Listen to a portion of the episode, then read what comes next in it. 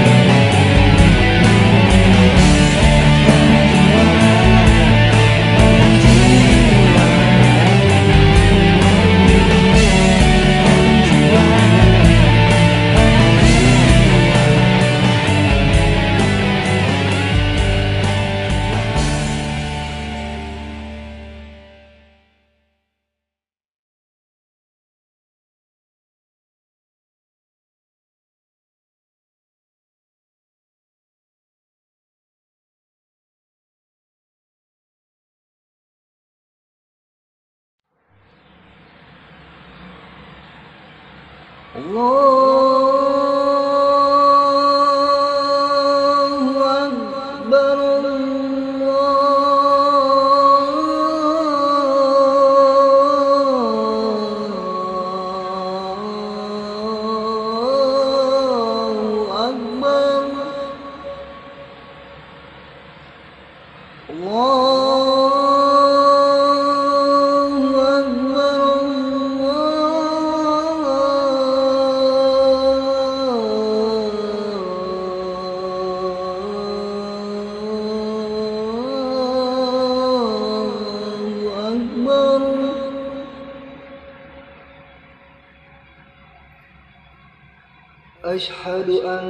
إله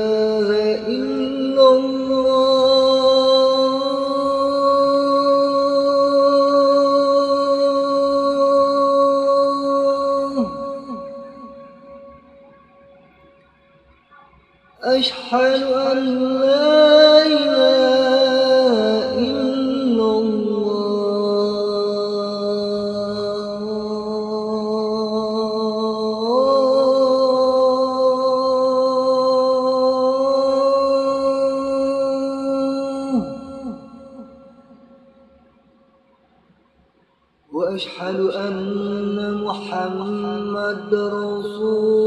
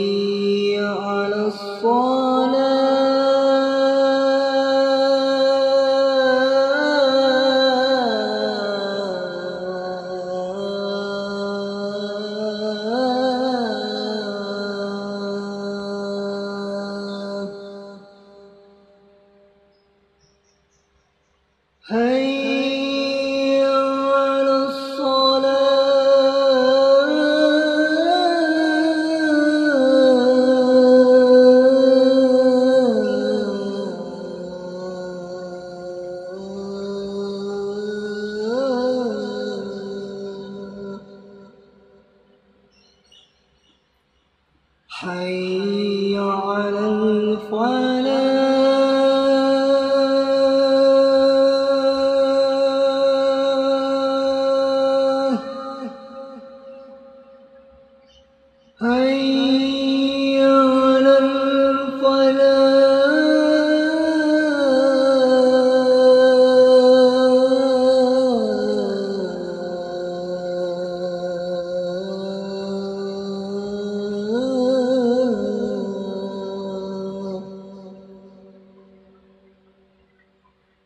Allah.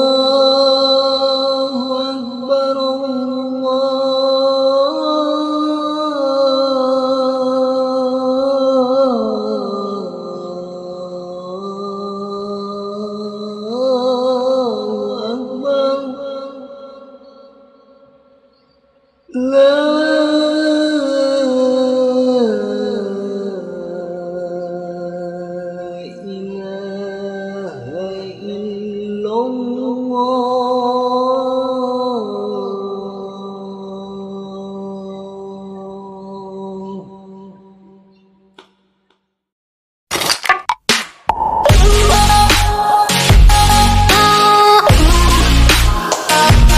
teman-teman di mana pun berada ketemu lagi bareng gua Ferry ya.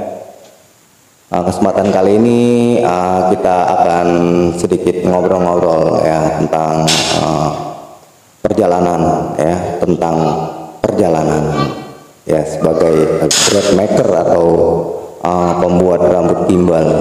Oke tetap uh, ikuti ya podcast ini dan semoga ini memberikan uh, sebuah imunisasi eh imunisasi lagi apa sih? Nutrisi kali ya. Nutrisi apa apalah pokoknya ya pokoknya terserah lah ya. Semoga ini dapat menjadi inspirasi dan motivasi buat teman-teman yang sedang berjuang di sana yang sedang uh, apa namanya sedang melakukan proses ya menuju uh, sebuah titik atau sebuah tujuan yang teman-teman inginkan. Oke teman-teman, selamat datang di celoteh camar dari kamar jiwa bersama Ferry Diansyah.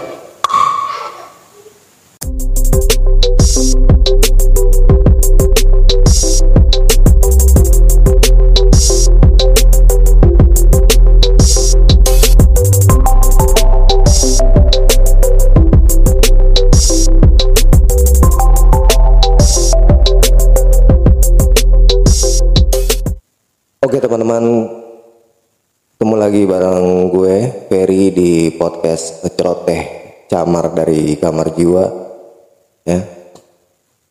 Pada kesempatan kali ini uh, kita akan sedikit uh, mengupas ya tentang perjalanan gue sebagai dread maker atau pembuat rambut gimbal gitu ya kan. Jadi awal muawalnya itu memang gue tuh suka banget gitu ya kan ngelihat orang itu pakai apa namanya atau memiliki rambut gimbal gitu. Gue lihat kok keren banget ya orang gitu ya kan rambutnya tuh apa namanya berbeda gitu ya kan dari kebanyakan orang dalam menurut gue gimbal itu keren banget gitu ya. Dan pada suatu saat gue akhirnya punya kesempatan ya untuk uh, bertemu gitu kan dengan orang yang membuat rambut gimbalnya itu kalau menurut gue sih itu cukup bagus rapih gitu ya kan dan secara partingannya juga menurut gue kok bisa ya dia bikin gimbal serapi itu? Dan akhirnya gue coba belajar sama dia gitu kan. Nah saat itu posisinya itu ada di di blok M gitu ya di blok M lah gitu. Mas Aris namanya. Dan setelah itu gue mulai coba gitu ya kan di rumah gitu gue coba beli apa namanya beli alatnya tuh croquet hook gitu di daerah uh, blok M Plaza lah gitu. Gue beli croquet hook gitu kan sesuai dengan yang dia pakai. Karena awal-awalnya itu gue nggak tahu gitu kan croquet hook yang harus dipakai itu yang ukuran berapa gitu ya kan. Dan gue lihat kok dia bisa gitu bikin gimbal yang rapih gitu ya kan. Ternyata dia punya apa namanya punya alatnya itu berbeda gitu dari dari dari yang lainnya. Dia hmm, pakai kroketuk yang ukuran sangat kecil gitu. Dan itu dan akhirnya gue sampai sekarang masih masih langganan di situ ya. Dan gue coba gitu kan bikin helai-helai gimbal tuh di rumah gitu ya kan.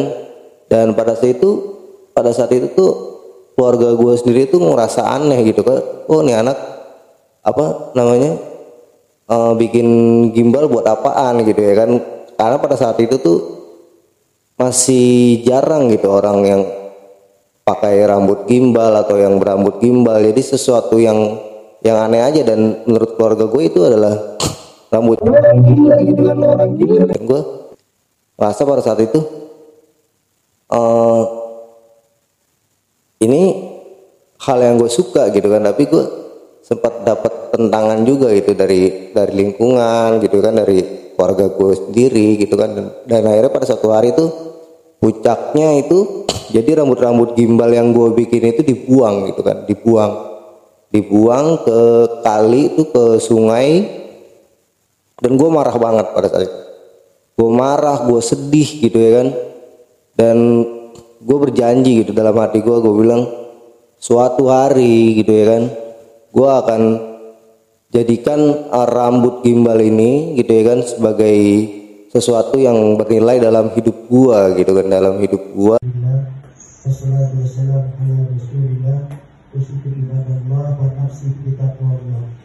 Wahai dan saya kawinkan dengan saudari yang wali nikahnya berwakil kepada saya dengan mas kawin 99 helai rambut tiba.